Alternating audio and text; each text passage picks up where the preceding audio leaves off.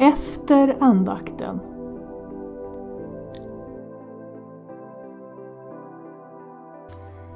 På samma sätt idag, nu har vi sanna föräldrarna som utgångspunkt. Det inleder alltså det en ny tidsålder. Centrerad inte på föreningar, inte på kyrkor, inte politiska partier, utan på familjer. Alltså de mest närstående. En individ kan inte klara sig i längden. Utan man är alltid beroende av att ha relationer med andra människor. Och kärnan i de relationerna, där man lär sig att relatera, det är ju naturligtvis familjen. Det är de som står oss mest nära. Som kan därmed också förorsaka den mest, eh, största sorgen och samtidigt den största glädjen. Därför att det är de som står oss närmast. Så familjen, och då, som då i sin tur har förbindelser, relationer med andra familjer.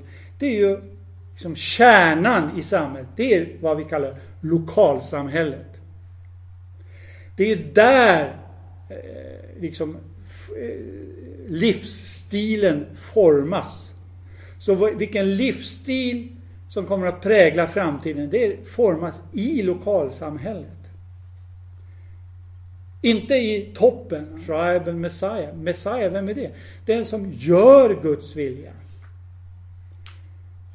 I den judiska traditionen pratar man om det finns två slags sätt att tjäna Gud. Antingen är man profet och säger då talar man om vad Gud vill. Och det är bra att veta för andra människor.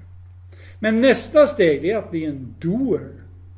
Att göra det. Och det är en Messias. Och enligt judisk tradition, i kristen säger man Eh, det, det, finns bara en Messias, det är Jesus. Eh, muslimer säger det finns bara en profet som är värd att lyssna på, Muhammed. Men i den judiska traditionen vimlar av profeter. Det vimlar av Messiasfigurer.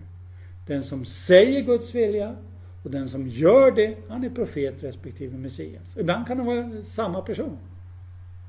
Och det är den förståelsen som jag har sugit åt mig. Vi är alla Messias. Vi kan alla profetera. Det vill säga, säga någonting om framtiden. Och när vi gör det, när vi då förkroppsligar himlens vilja, då blir vi sanna människor, sanna föräldrar. Så frågan är, what about us? Vad ska vi göra? Ja, vi ska inte bara följa, för det leder till besvikelse. Utan vi måste göra, vi måste själv bygga himmelriket. Det vill säga en människovärdig värld där alla människor utan undantag kan finna lycka, finna någon eh, stabilitet.